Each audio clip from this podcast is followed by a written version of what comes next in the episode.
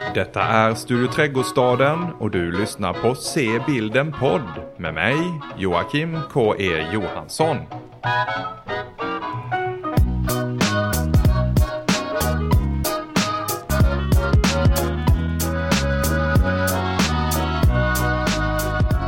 Jag vet, jag vet, jag vet, kära lyssnare. Ännu en gång så har det gått hela nio månader mellan två avsnitt av min podd.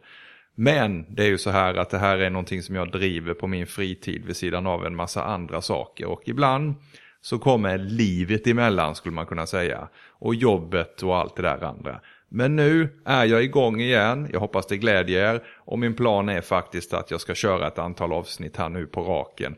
Så att jag har eh, laddat upp med lite kul intervjupersoner som är på gång här i höst och vinter. Eh, det här är avsnitt nummer 12. Eller ja, avsnitt nummer 1 skulle man också kunna säga. Därför att som ni nu har märkt så har jag döpt om podden från Gatufotopodden till C-bilden-podd.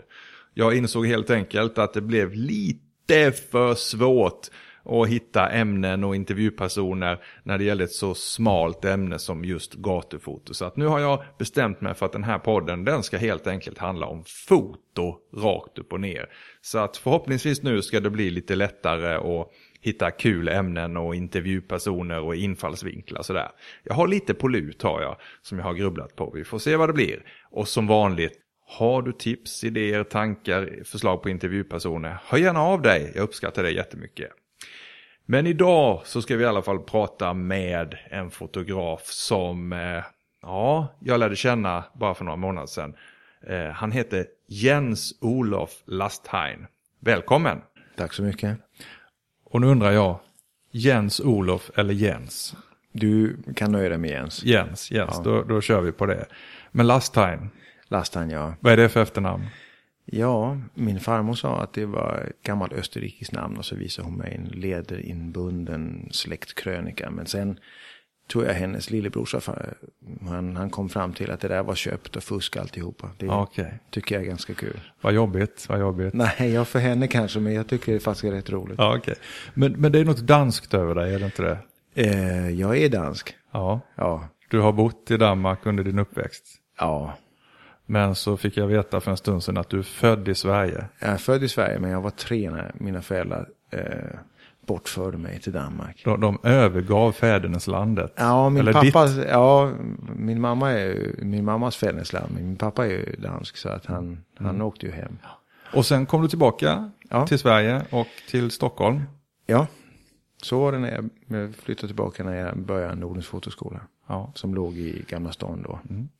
Och, och du är fotograf, du jobbar både i egna projekt och du har också då alltså, eh, eh, ja, du försörjer dig också på foto. Vad, är- vad är det du gör för brödfödan så att säga? Brödfödan har jag ju eh, genom alla år gjort jobb för tidningar. Ja, reportage, porträtt, vad man nu gör. Och du har, du har egen studio eller en studio Ja. här i Stockholm och så vidare. Ja. Men när du sen eh, inte jobbar för brödfödan, vad gör du då? Ja, då gör jag sådana här, de här långa projekt som tar en fruktansvärt massa år. Med tanken att det ska bli böcker och utställningar så småningom. Och då reser du runt i, eh, Ja, då har det blivit att jag har eh, rest mycket österut. För ja, det har funnits något som har dragit mig. Vi ska prata mer om det strax, om vad, du reser och sådär. Men det är så att jag, första gången jag träffade dig, det var i våras tror jag någon gång, för du hade en utställning på Galleri Kontrast i Stockholm med dina bilder va? Ja, Och det, det är lite speciella bilder för det är ju en panoramabilder. Eh, men vad är, vad är det för kamera du använder egentligen? vi börjar med kamerafrågan direkt. Ja, ja, vi kör på det. Ja, det, det är en sån här, ja, en analog panoramakamera heter det. Som tar långa negativ. Ja. Ja. Eh, är det någon, eh, ja vad heter den, vad är det för speciell? En, ja, det finns en, jag använder en japansk variant som heter Wide Lux och jag har en rysk variant som heter Horisont. De har ungefär samma. Är, är du inte ganska ensam om att fota med den här typen av kamera? Nej, det finns en del andra som Är det gör så? Ja, det gör det. Ja. Ja. Men, men det, det är kanske lite ovanligt, men Jag är inte ensam. Nej. Nej. För de är väl lite speciella, liksom att objektivet rör på sig, sveper från ena sidan till den andra. Ja, just de här gör det. Hasselblad gjorde ju en sån där med fast glugg, men, men de jag använde är svepande glugg, ja precis. För att Mm. då, då blir det mm, så pass vidvinkligt som jag vill ha det.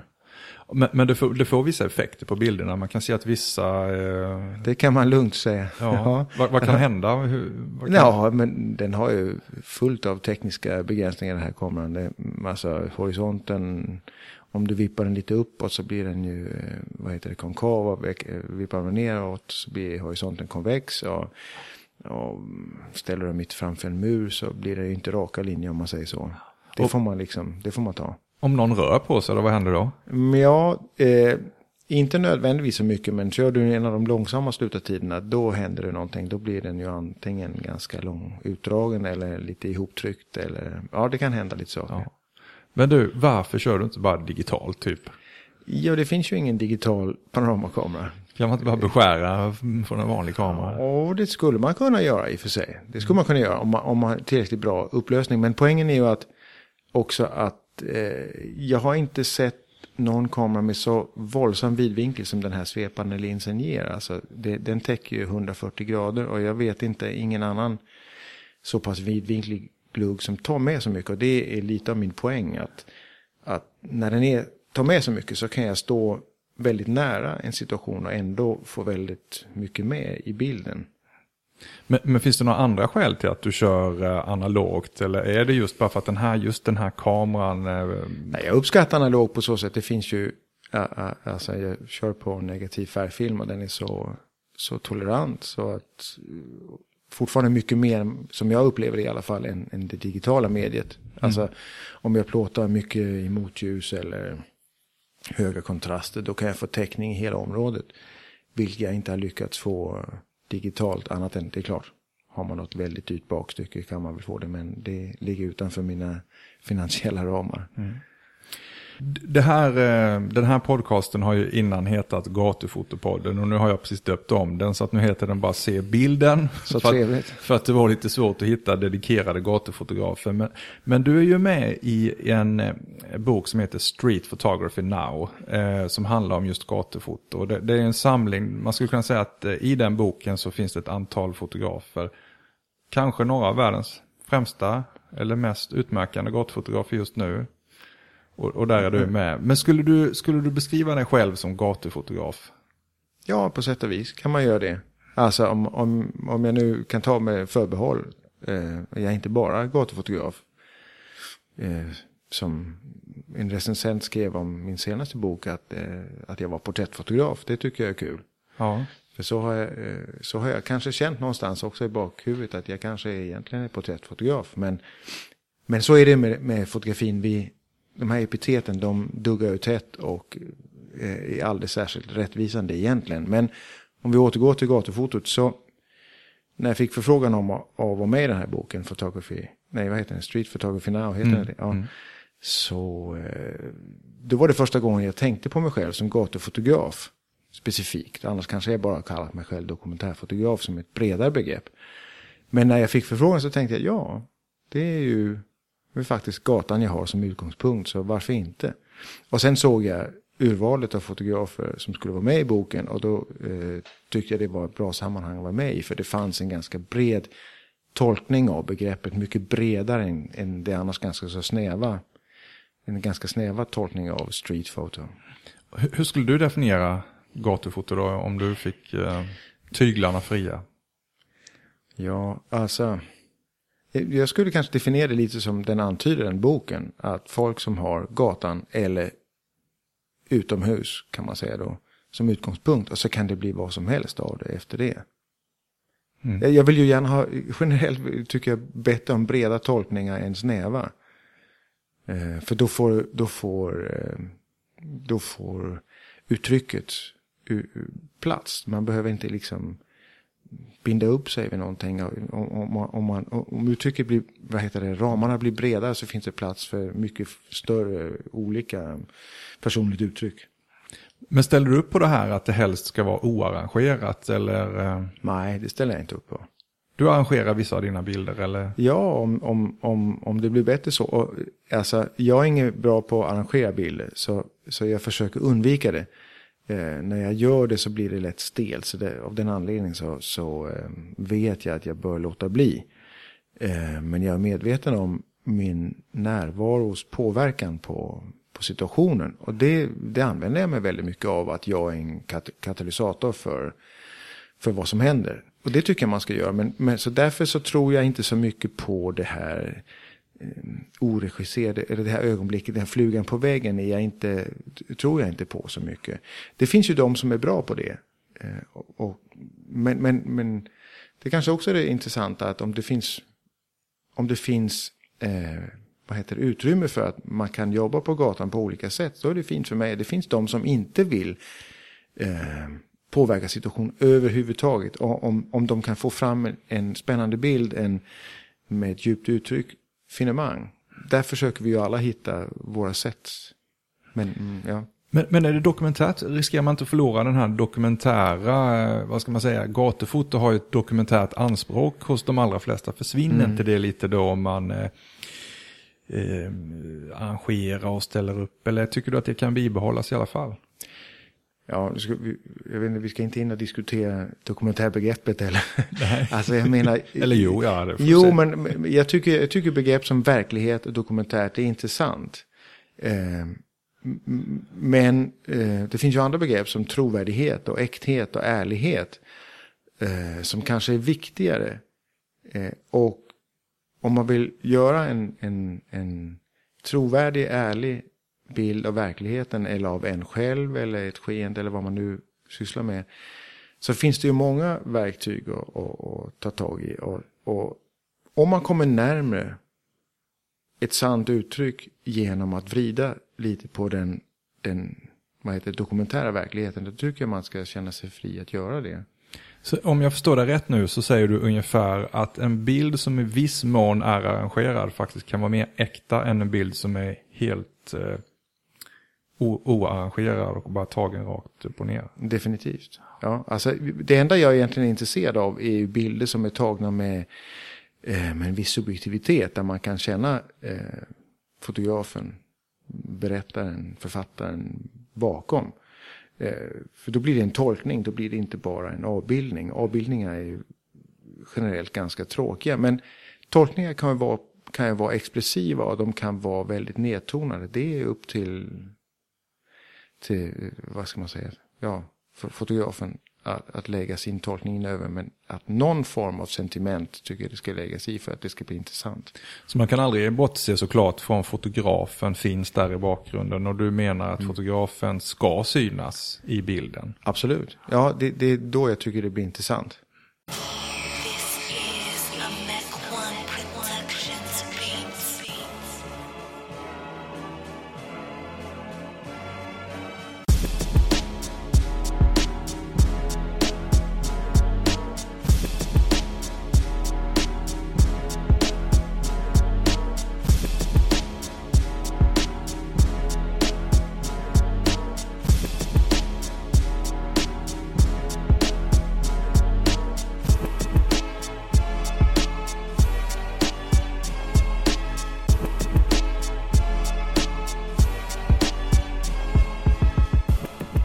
Tal om intressant. Du har ju inte bara en intressant kamera utan du, och lite annorlunda tycker jag då i alla fall. Utan du fotograferar också på lite speciella platser. Kanske inte de där självklara miljöerna utan du reser gärna österut. Mm. Eh, forna stater, forna Sovjetunionen, kring Svarta havet och så vidare. Va, va, va, hur kom det sig att det var just dit du åkte eller du åker för att fotografera? Där hamnar jag för att eh, jag föddes på en, på en tidpunkt i historien där Europa var delat i, i öst och väst. Eh, av, av gamla järnridån. Och då föddes en, ganska naturlig, för vad jag upplevde i alla fall, nyfikenhet på vem de andra på andra sidan var. Det var ju så, det var den mest handfasta realiteten då, det var att öst och att väst, det skulle man förhålla sig till hela tiden på alla sätt och vis. Men vi visste ju inte mycket om dem på andra sidan då. Det var ju ett helt annat informationssamhälle. Det var ju, var ju mest frågetecken allting. Om man, om man bara tänkte sig lite för så trodde man inte på demoniseringen av dem på andra sidan. Så, så eh, jag lärde mig ryska på gymnasiet för den möjligheten fanns. Och sen när jag var 20, 1984, så lyftade jag genom Östeuropa själv. Och det var ett bra sätt att resa på för då kom jag i kontakt med en massa människor som, som jag inte skulle komma i kontakt med annars. Så jag var ju ganska ung och väldigt naiv och mm, mm, råkade ut för en massa olika saker. Men det intressanta var att jag, jag, jag upptäckte att jag kände mig hemma på ett sätt som jag aldrig hade upplevt förut. Alltså på ett annat plan eh, än jag hade känt hemma kanske. I, i Danmark som jag bodde då.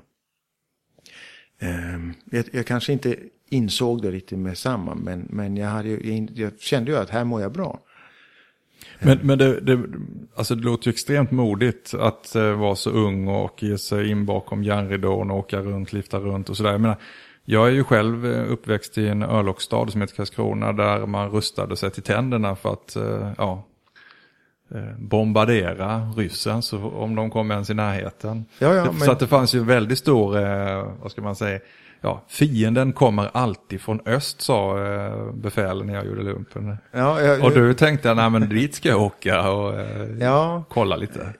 Nu, jag vet inte, jag har insett att svenska rysskräcken är, är, är, är, något djupare än den danska. Men det var samma vi hade där. Det, var, det här var under tid när jag växte upp, det här, precis innan var jag, jag snackade om Pershing 2-missilerna som NATO skulle ställa ut. Och hotet från öst var ju markant. Eh, det var det vi matades med. Men ja, då, då eh, tänkte jag ju, men det finns ju vanliga människor på andra sidan. Mm. Och, och jag var så pass nyfiken, jag ville ta reda på vad... Ja. Men, men, vad hittade du där då? Ja, men jag, jag hittade, jag hittade ju vanliga människor som mig själv. Eh, vad ska man säga? Det var kanske det som var det intressanta. Att samhället på ytan var ganska mycket annorlunda än, än jag var van vid hemifrån. Men, men folk jag träffade var ju, ja, som folk är mest.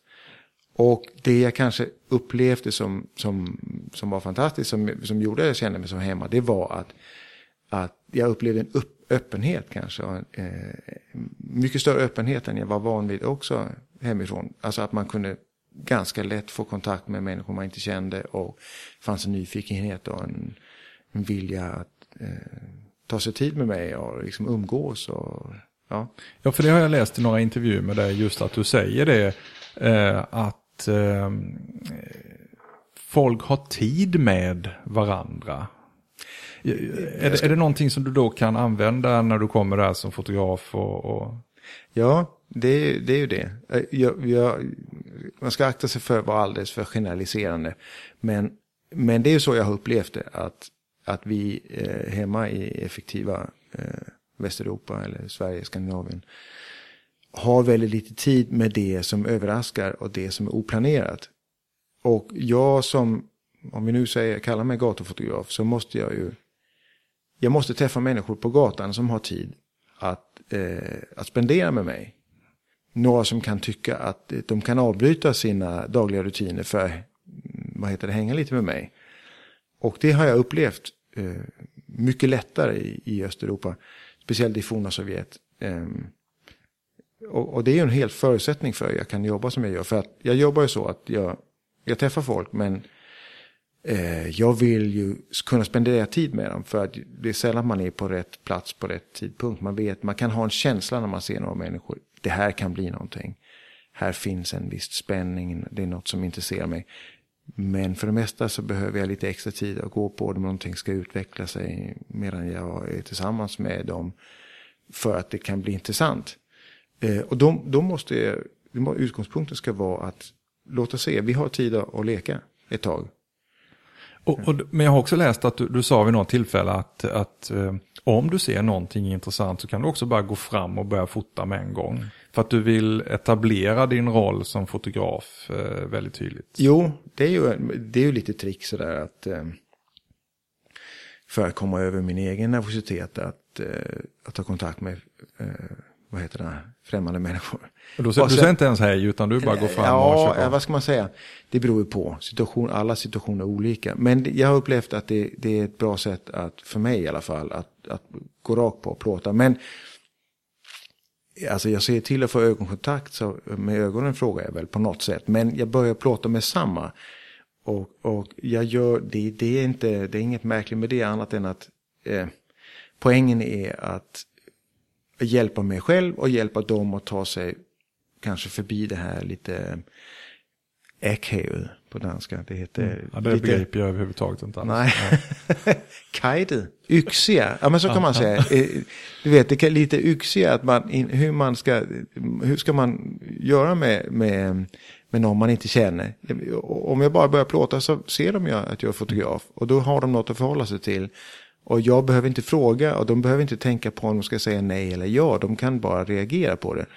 Och sen är det naturligtvis så att jag försöker, jag väldigt, ehm, jag försöker se vad är det här för människor. Och, och alla ska tas på olika sätt. Så jag, det, jag kör inte bara ett, ett, ett och samma sätt. Och ibland så frågar jag också. Men, men jag är ganska påstridig om man säger så. Så kan man säga. För jag har fått två intryck av det här. Vi har, vi har inte känt varandra så länge utan bara i några månader sedan, sedan i våras kanske. Eh, och en sak som jag har tänkt på är att eh, redan första gången jag träffade dig så kände jag direkt att du verkade vara en väldigt så här reko, trevlig, schysst person. Alltså, Det låter ju jättetråkigt. Ja, nej det tycker jag verkligen inte. Nej. Alltså att, att man kände den här, jag gillar den här eh, mannen. Alltså med en gång, väldigt snabb så här att, eh, men Jens, han, han verkar vara en väldigt bra person. Jag har hört många säga samma sak. Ja. Eh, och då tänker jag så här, din personlighet här, att, att du, och du är intresserad av andra människor, det var det andra jag skulle säga, att jag tycker det verkar som att du är väldigt nyfiken och intresserad av andra människor. Tror du att någonting i detta är, kan du liksom dra nytta av i de här situationerna? Att, att andra känner av det kanske till och med? Det, det hoppas jag. Alltså, vad ska man säga? Eh, jag försöker ju dra nytta av så som jag är. mm, mm, Att, Ehm, jag kan ju se många nackdelar med sättet som jag är. Eller det blir, man ser ju sina egna nackdelar ganska tydligt. Men sen har jag försökt lära mig de bra sidorna på så sätt att det är de jag kan använda mig av. Men sen försöker jag ju också använda mig av de, de andra. Alltså, jag försöker ju lägga fram hela skalan av det som är jag. Eh, jag försöker vara ganska öppen när jag träffar folk för att det är det enda jag tror kan eh, vara lockande för dem inför deras beslut. Ska jag vilja, ska jag vilja hänga ut med den här killen eller inte? Eh, och om jag spelar någon annan än jag är, då bygger jag upp en mur med samma. Och det, så, det har jag försökt göra ibland, låtsas att jag är, är ballare eller mer intressant än vad jag är. Så, så, ehm, så det- kan det få motsatt effekt, eller hur? Så jag, jag försöker vara så pass öppen med, med den jag är. Sen, sen får man lägga på några lager att vara, vara mer intressant också naturligtvis. För de Man ska kan- tycka det är... Det är den här gamla klassikern, stay true to yourself, eller var, Ja. bot, bottna dig själv. Men samtidigt alltså att förstärka det som redan det är bra. Ja, det, precis. Det är svårt att säga det här. Alltså, ja, det är svårt att säga stay true to yourself. för Det är ju liksom en klyscha, eller hur? Mm. Men, men, men man får lägga, man får satsa sig, man får investera sig själv ganska mycket för att om, om jag förväntar mig att någon annan ska bjuda på sig själv, eh, vilket ju jag behöver för att kunna ta bilder av någonting som betyder någonting, så måste jag bjuda på mig själv också, för annars blir det, eh, annars är det inte okej. Och annars öppnar jag ju ingen, ingenting heller. Sen säger du att jag verkar så schysst och reko och, och du vet, det är väl bra på sätt och vis. Men man vill ju också verka intressant och hemlig och spännande. Och, nå- för de där schyssta reko-typerna kan också vara tråkiga att umgås med. Sådär. Jag- får lägga till ett ord, du verkar så reko, schysst och duktig. Jaha, jag, jag är duktig vet du fan, det vill man inte heller vara. Vill man det? Nej, Nej. nej, jag bara skojar lite Ja. men, men alltså att just att, att du säger intressant där, men det tycker jag ju ändå finns där. Och jag känner att det, det kanske också märks där ute när du tar upp den där väldigt speciella kameran du har och så vidare. Att här har vi inte att göra med vilken fotograf som helst kanske. Du, jag försöker, jag försöker ju faktiskt att låta kameran vara eh, inte så viktig. För att jag vill att de ser mig och inte fotografen. Eftersom det är det enda, den enda garantin för att jag kan få lov att vara där. Och, och jag vill inte att de tänker, åh jag vill gärna plåtas. För då blir det inte intressant. de, de ska vilja umgås. Eh, och umgås kan man göra på tusen olika sätt. Alltså, det kan vara avvisande eller väldigt välkomnande. Men att det finns någon form av eh, kommunikation. Eh, och jag, då, då, de gångerna när jag blir för mycket fotografen, då blir det ganska ointressanta situationer. Då blir det sällan bra bilder av det heller.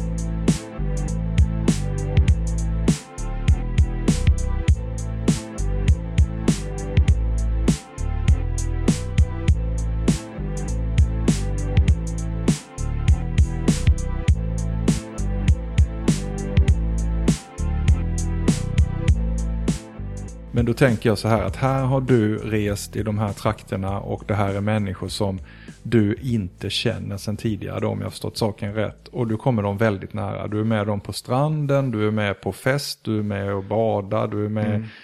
åker bil och allt möjligt. Eh, ja. För mig är det väldigt imponerande eh, förmåga så.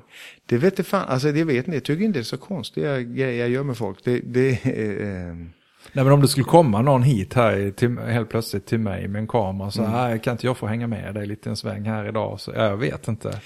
Det hänger ju... Ah, alltså, kanske inte, vem är du? Vad, vad heter du sa du? Exakt. Det, det är det jag säger att om, det, det, jag, måste, jag, måste för, jag måste se till att vara så pass intressant att de jag blir intresserad av tycker att ja men häng med här då det är klart, det är, det är ju inte alla som vill det heller, inte ens i forna Sovjet. Alltså, men, men det, en sak är ju att du säger det här eh, på ett teoretiskt plan. Eller, jag menar, när du väl står med en person framför dig, då är det en helt annan fråga. Då kan du ta ställning till, Jo, det är ah, vad kul. Jo, jo. Det är klart, ja. om någon skulle komma och säga så här, du jag jobbar för Magnum Photography. Mm. Du, kan inte jag få hänga med dig idag? Ja, men då, då kanske du är, men, då kan du tänka på, ja, då börjar du tänka Magnum, det brukar jag ju aldrig säga till exempel. Nej, Nej och jag tror inte heller det skulle få dig att öppna upp, utan det handlar om om den personen verkar intressant. Så min strategi här, den blev underkänd? Ja, eh, jag tror det. Ja. Eh, Ska, ja. Eller mitt resonemang. Det resonemang, ja, ja, precis. Alltså, men du, mm. jag, för mig är det inte så här så konstigt. För att jag tror, och det spelar ingen roll om vi bor i forna Sovjet eller i Sverige. Eh, vi är människor och jag tror att något av det vi helst vill, det är att bli överraskade. Och vi vill jättegärna eh, umgås med människor som vi inte känner och få nya input i livet. Eh, ingen av oss vill leva trå tråkiga liv. Alla vill vi jättegärna eh, att det ska hända någonting. Alltså, mina svenskar går på klubb och på krogen, att de liksom tar kontakt också, även fast vi är lite inbundna. Men så får man chansen. Ja. Men, men då är det egentligen alltså, om jag nu ska vara lite Eh, vad ska man säga, om jag ska spetsa till det lite så är du mm. egentligen då, eh, du charmar in där, du flöttar in där, det är nästan som att eh, du stöter på dem.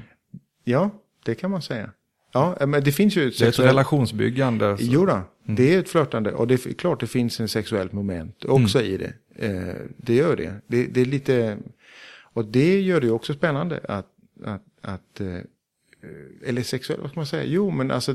Sensuellt kanske. Så kan vi säga allting, eller hur? Att det, handlar om, om man spelar på de tangenter man skulle spela på när man vill lära människor att känna mm. och umgås. Mm. Så det är inte konstigt än så, ärligt talat. Om vi hoppar lite till miljöerna då, eh, innan vi strax här ska börja titta på några av bilderna.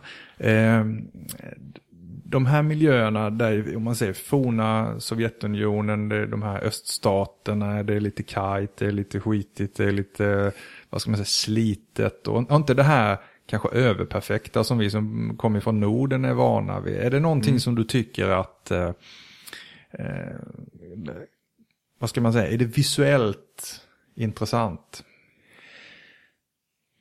Alltså, eh, ibland ställs jag inför det här eh, också, om, om, det är det. Nej, det är inte så mycket det faktiskt. Eh, eh, om, om, om det handlar om, alltså det slitna, det är ju sant. Men, men jag kanske är intresserad av det slitna på så sätt att det, är, att det visar upp en, något mer mänskligt om man säger så. Jag är inte intresserad av fattigdom och, och, och, och slitenhet för sin egen skull. Och det är sällan jag det är sällan jag, jag fotograferar riktigt fattiga miljöer. Och det, jag, av samma anledning som jag inte fotograferar fulla människor för att min, min utgångspunkt är att jag vill träffa folk i ögonhöjd för annars blir det en konstig känsla. Sen vet ju inte jag, alltså jag vet ju inte, jag vet väldigt sällan social nivå på folk som jag fotograferar. Och för det mesta så tjänar jag förmodligen mindre än vad de gör. Okay. Eh, jag försöker att se, bortse från det. Eh, det. Det är mer den här öppenheten som sagt jag, jag är ute efter. Jens, nu ska vi titta på bilder. Okej. Okay.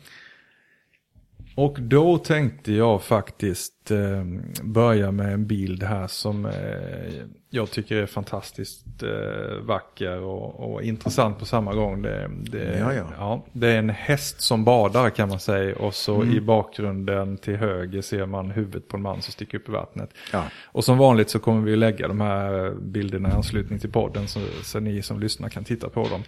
Men, men, hur kom den här bilden till? det är som med alla bilder ganska eh, omystisk om man säger så. Men det är klart, när man ser bilden så här så är min ju poäng ju också att den kan kännas så här väldigt speciell. Mannen och djuret i naturen och naturens krafter och allt det här.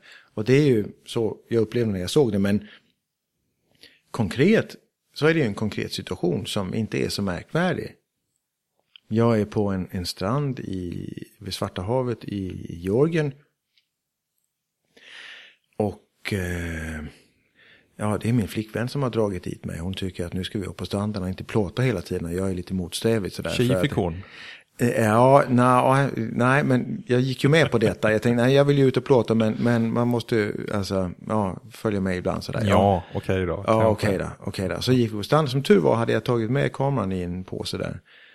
Och, och då när vi ligger där på stranden, då kommer den här mannen med, med två hästar eh, som han ska tvätta, bada. Och han går rakt emellan alla solbadare och så går han ut i, i vågorna med sina hästar. Och jag blir eld låga och springer efter ut naturligtvis. Och han är ganska cool, den här eh, killen. Han låtsas som ingenting och låter sig plåta. Och så är han klar med sina två hästar, en vit och en brun. Så går han upp och jag springer efter och går sådär baklänges som en annan paparazzi-fotograf. Och han är, han är hur cool som helst. Sådär. Och, och mm, folk omkring på stranden frågar vad, vad, vad händer? Och, och den här killen säger bara ja det är lugnt, han plåtar mig. Och så plåtar jag tills rullen tar slut. Och så säger vi hej. Så går jag ner på stranden till min tjej igen. Och så kommer han tillbaka. Precis dags för jag har bytt rulle i filmen, i kameran. Och så springer jag ut efter honom igen naturligtvis. Och det är där den här bilden är tagen för att um, då har han bara med sig en häst. Eh, men, men när jag var ute med honom förra gången så var det några grejer som jag såg han gjorde som inte jag han har fotograferat. Bland annat så gick han ner under vattnet själv och dök upp igen. Och det är det som han just har gjort här. Man ser lite bubblor runt omkring. Och det lyckas jag fånga här mycket bättre än jag gjorde förra gången. Men, får jag fråga dig en sak? Alltså, I Sverige ser man ju aldrig typ någon som kommer med hästar till stranden och badar. Det kanske, är det vanligt där eller? det är enda gången jag har sett ja. det. Men... För, för var, han, var inte det lite show-off? Han kommer med sina hästar, är han Nej. lite stolt eller är det något? För honom var det inte show-off. Jag vet inte vad han egentligen hade sina hästar till, men det kunde vara vad som helst. Det var en massa aktiviteter runt omkring där i samhället. Men jag vet inte vad han hade dem till. Men de, de skulle väl kylas ner helt enkelt och bada. Och, eh, nej, det var inget, han, det var inget show-off. Han gick rakt ut bara och så Eh, de flesta sket ju i han gick där. Det var liksom... Men, du, jag, du var den enda som egentligen blev intresserad? Ja, o ja. Det, det var han gick ju rakt ut mellan alla andra som badade bara. Ja. Vi hoppar vidare. Ja, vi gör det. den bilden tar vi. Här har vi en bild på tre unga män som står vid en bil, en svart bil. Och de är nere i någonting som ser ut som en kanal nästan. Och bakom syns också en bro eller något liknande. Eh, ja, alltså eh, eh, egentligen så var jag på väg över den där bron något ett helt annat ställe. Men, och då såg jag att, att det var folk här nere vid den här floden och badade. Så då svängde jag av och ställde bilen och så sprang jag ner. Men så såg jag lite längre ner att de här, jag såg de här tre unga männen med sin bil som de hade kört ut mitt i strömmen. Eh, och jag kände att där var någonting. Och så då går jag, alltså det är ganska strömt och ganska djupt för att komma dit. Så då går jag igenom och, och håller på att falla, så där stenar rullar under. Och eh, de har naturligtvis sett sett den här farbrorn som är på väg över och håller på att halka i vattnet. Så de står ju och tittar på, på att det kommer någon. Så när jag väl kommer fram så är de ju lite nyfikna givetvis. Eh, och då ser de lite närmre och då är det tre personer. Och jag kan se ganska snabbt att de är ganska olika. Men jag vill gärna ha med allihopa på en bild. Men jag vet ju också att det är inte säkert man får med samma. Man får liksom se hur situationen utvecklar sig. Eh, jag ser jag, jag upptäcker, han som står längst till höger, han är den som är mest tillmötesgående och öppen och, och mm. nyfiken. Så honom går jag på och det är liksom, jag förstår att han måste vara ingångsvinkeln till, till alltihopa. Eh, han som sitter på taket av bilen bakom där, han skiter ju mer eller mindre i mig, det ser man ju. Eller hur? Han, dricker öl. Ja, han dricker öl och är inne i sitt. Och det är ganska bra, för jag gillar den här, hans coolhet sådär. Sen han i mitten är jag väldigt intresserad av, för mig, jag gillar hans eh, taniga kropp och speciellt gillar jag hans bandagerade hand där. Eh, och han är också lite avvisande, jag tycker om det. Han har någon integritet, han tar inte in mig sådär. Men han var väldigt motsträvig. Eh, så jag försöker få till någonting med alla, jag har en massa andra bilder på dem också. Men, men han är väldigt svår, det är inte många bilder jag får. När jag, när jag sen säger, sen går jag ut och badar med dem där också eh, lite senare. Och, men när jag går därifrån så, eh, eh så tror jag egentligen inte jag har fått en bild på honom. Eh, för det var mitt intryck att han smet ganska snabbt. Så jag var väldigt glad att när jag kom hem och upptäckte att det fanns en, en, en gruppbild här på där alla tre var ganska bra. Mm.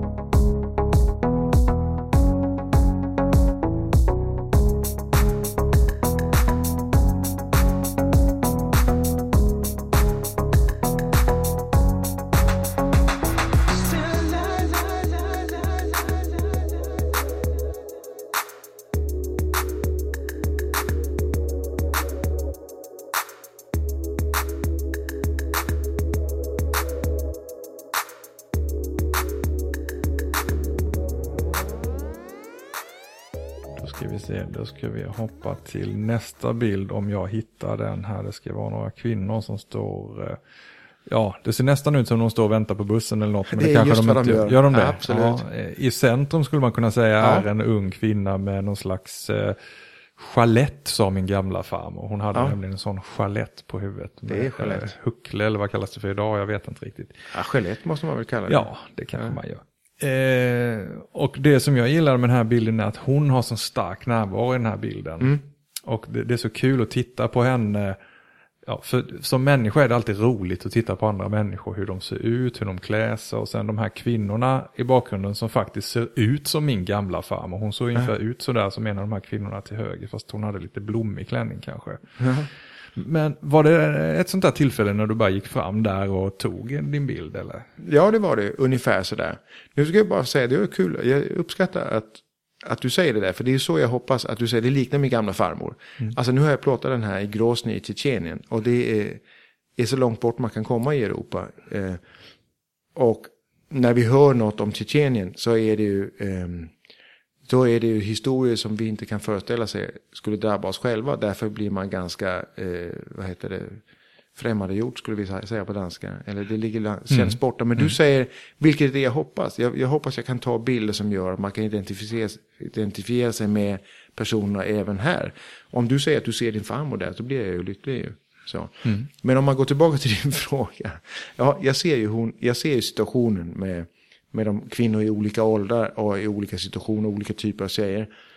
Mm, som står och väntar på bussen. Så jag, jag, jag ser att det här kan bli en intressant konstellation. Men det är hon i mitten, precis som du säger, jag, blir, jag tänder på.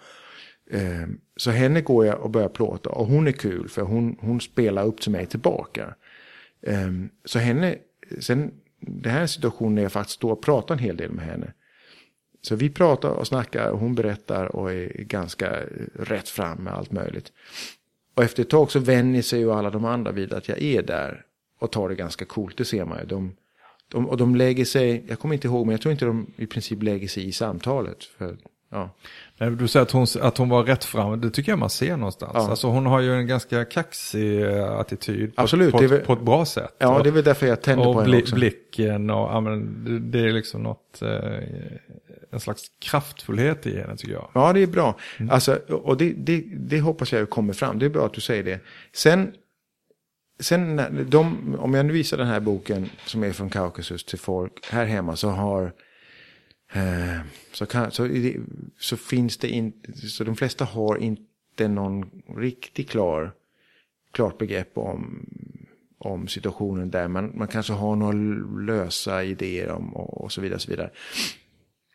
Eh, men, men sen finns det de som vet Eh, och det du säger med Huckle eller Charlotte och sådär är ju i den här bilden för mig viktigt för att eh, det här är, är, så är det fortfarande med en tidpunkt i, i, i Tjetjenien där eh, landets president tvingar i princip kvinnor att ha, att ha täcka håret. Eh, för han, hans eh, regim eh, bedriver det som han kallar eh, traditionell islam precis innan jag plåtade här, då hade han, har han, eh, han har drivit en kampanj där hans folk, eh, eh Kadirovtsi som han kallar hans män, har åkt runt i, i, eh, bilar och skjutit med paintballgevär på kvinnor som inte har täckt sitt hår. Ja, det låter ju trevligt. Det låter trevligt. Sen tvingades han av Putin att sluta med den lilla kampanjen. Ja. Men det sa ganska mycket, och där ska man tänka att speciellt unga kvinnor blev våldsamt provocerade. Eller kanske de går med chalett ändå för det är en del av traditionen. Men, men unga var det här naturligtvis otroligt provocerande. För att de är uppväxt i Sovjettiden där kvinnor är frigjorda och ska inte tvingas ha på sig chalett. Eh, så de, många de går demonstrativt utan. Men har den i fickan för om de ska eh, gå in på offentliga kontor eller någonting så måste de ha på sig det. Och medan vi står och pratar, den här kvinnan i mitten, hon tar på sig och av sig hela tiden den där sjaletten. Och vi pratar om, om det just. Och hon garvar åt och hon, hon, hon är också provocerad av det. Och eh, är mycket medveten om, eh, om, om, om det, vad heter det, tvånget. Jag tänker att vi hoppar vidare till nästa bild. Gör det. Som blir den sista bilden vi tittar på. Och den här bilden vill jag minnas har en eh, ganska intressant historia. Det man ser är eh, till vänster är det en kvinna som hänger över axeln på en man i kamouflagebyxor. I mitten en eh, man på en vit häst och så till höger då två kvinnor. Vad är det här egentligen? Bilden är tagen i, i den här i Kaliningrad-regionen. Eh, som är den här lilla ryska, eh, vad ska man säga, delen som ligger inklämt mellan Polen och Litauen. Ja, det här, det här är så exempel på en bild som tog mig tre dagar att ta. Vad tag? Ja, det var ett tag. Ibland får man ju till det ganska snabbt och kan på ganska kort tid ta bilder som man kan använda. Men den här tog mig tre dagar och en massa, eh, massa rullar film som inte gick att använda sen. Eh, du ser motorcyklarna kanske bakom där. Som står uppradade. Ja. Mm. Eh, det här är eh, från en, eh, en motorcykelklubb deras sexårs födelsedagsfest. De hade hyrt in sig på en gammal eh, preussisk slott där byggt upp mm, musikscen och allt möjligt vad det var. Och jag hade hängt med, jag hade träffat de här, några hojåkare i Kaliningrad som sagt tre dagar tidigare och börjat plåta dem och tyckte det var några kul typer. Och jag hängde med dem ett tag och, och så kom jag tillbaka dagen efter och hängde lite till. Och så efter ett tag så sa de, men du tycker ju om att vara här, ska inte du hänga med på fest imorgon? Ja visst, säger jag, gärna. Och då mötte jag upp med dem och så åkte vi i sån här procession ut genom Kaliningrad. Jag vet inte, hundratals hojåkare. Och, och så slutade vi ut vid det här stället och så hängde vi där. Jag hängde på festen där hela eftermiddagen och kvällen. Men det mesta av det som jag plåtade var ganska ointressant. Det var inte annat, det kändes ja, det kändes bara som hojåkare eller en vilken som helst rockfestival som, som helst. Och det här var jag inte speciellt intresserad av att berätta om en hojklubbs sexårs födelsedagsfest. Utan jag tog det som ett, ett tillfälle att komma i, i situationer som, som kunde berätta om något helt annat.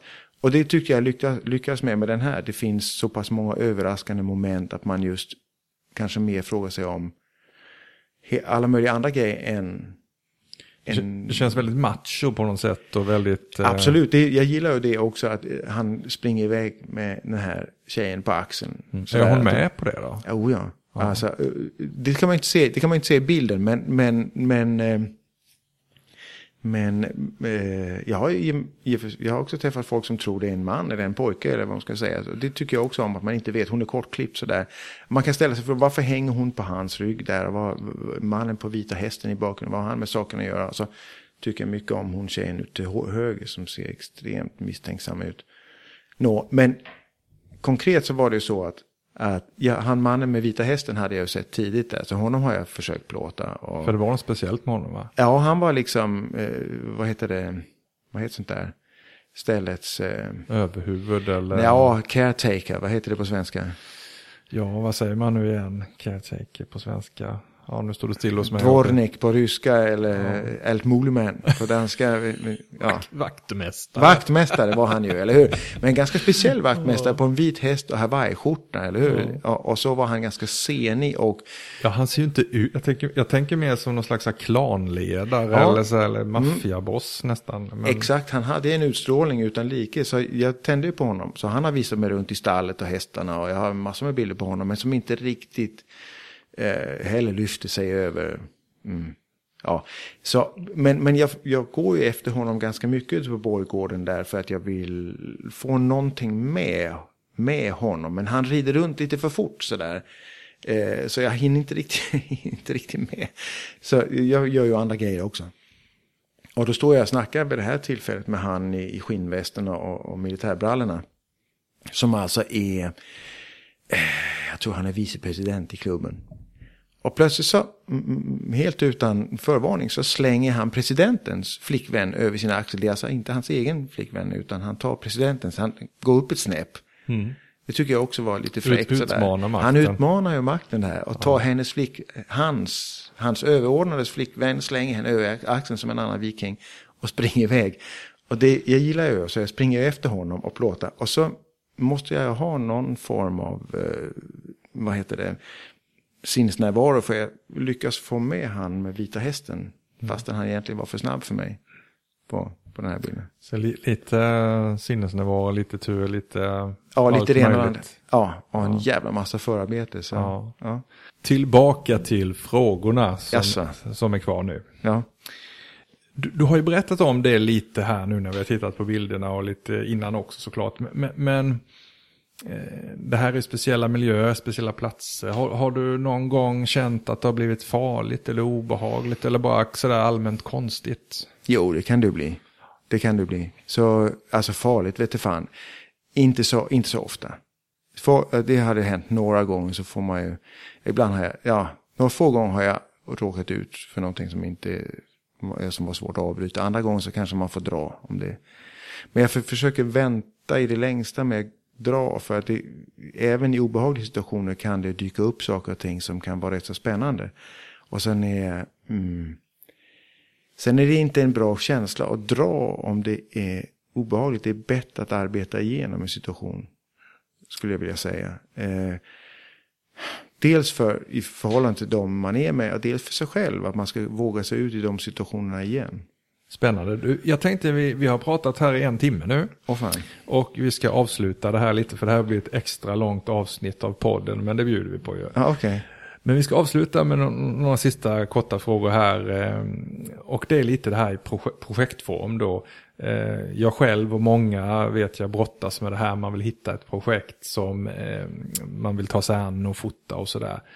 Men, jag tror du har sagt vid något tillfälle att, du, att för att det ska funka så måste du känna verkligen att det här, this is the shit. Ja. Det är så här, eh, men hur fan hittar man ett sånt projekt? Nej men det är ju jättesvårt. Alltså, eh, eh, när jag har hittat mina har det varit lite slumpartat men vad ska man säga, jag, jag, man måste ju jobba på att komma dit, där, tror jag, där, där det öppnar sig. Ja, sen, men sen måste man fånga det när det plötsligt sitter där. Och där, det är där jag har varit inne lite på tidigare, att jag har, um, har haft den här förbläsen för, för Östeuropa. Det har jag känt, där har, sutt, där har funnits någonting som har varit värt att jobba vidare med. Och där får man nog känna efter, tror jag, in i sig själv och se vad är viktigt för mig. För det är ändå, det är ändå där vi har vår kraft och styrka. Det är det som vi bär med oss inuti. Det kan komma var som helst ifrån eh, påverkan sen tidigt i livet eller senare. Och det kan vara svårt att veta, det kan vara svårt att veta vad, vad är smärtpunkterna. Men det är de man måste ta tag i och, och, och hitta. Och sen tror jag att känner man här är någonting då gäller det om att greppa tag i det och börja nysta där och inte skjuta upp det det senare. Även om det kanske känns konstigt att det här är kanske inte något riktigt projekt. Så är det där man tycker jag måste börja jobba. Eh, också för att det är enklast så. Om jag känner att nu vill jag göra det här. Då, då är det ju där jag har min omedelbara nyfikenhet och, och kraft. Och då ska man göra det och inte tänka men det där kan jag göra någon annan gång. Nu ska jag göra det här istället. Så att verkligen, verkligen känna efter vad är det, vad är det som finns där inne för eh, nyfikenhet, längtan? Ja, det, kan, det låter, om, ja, det tycker jag man ska, men sen kan det ju bli krampaktigt om man känner för mycket och kanske, det måste också konkretiseras, eller hur? Alltså, jag menar, det, fotografi är ju ganska konkret medium. Jag måste, jag, jag måste ta bilder på något som fysiskt finns. Och så kan jag tolka det och vrida och vända hur jag vill. Eh, så man måste göra någonting konkret. Man kan inte bara sitta och, och vrida sitt inre. Men det upplever jag också är ganska befriande. Man kan gå ut och försöka någonting och så kan man se. Hände det något med mig när jag gjorde det här? Var det, var det något som satte igång någon energi? Började jag liksom, började, började koka i mig när jag, gjorde, när jag gjorde det här? Ja, där fanns någonting där. Så testar jag lite till alltså vrider jag lite så ser jag blir det bättre nu? Nej, det är, det här, det är som här, eh, den här leken om det bränns, eller hur? Man testar. Nej, nu blir det kallt igen. Ja, man rör mig lite åt det här hållet, då bränns det. Men nu jävlar, nu, är det, nu händer det någonting. Ja, men då, då... Och det är inte alltid man kan sätta ord på vad det är som bränns. Eh, det är bra om man kan, det kan man försöka sätta ord på, men det är inte säkert. Det ska brännas lite helt enkelt. Det ska det. Stort tack Jens-Olof Lastheim. Tack.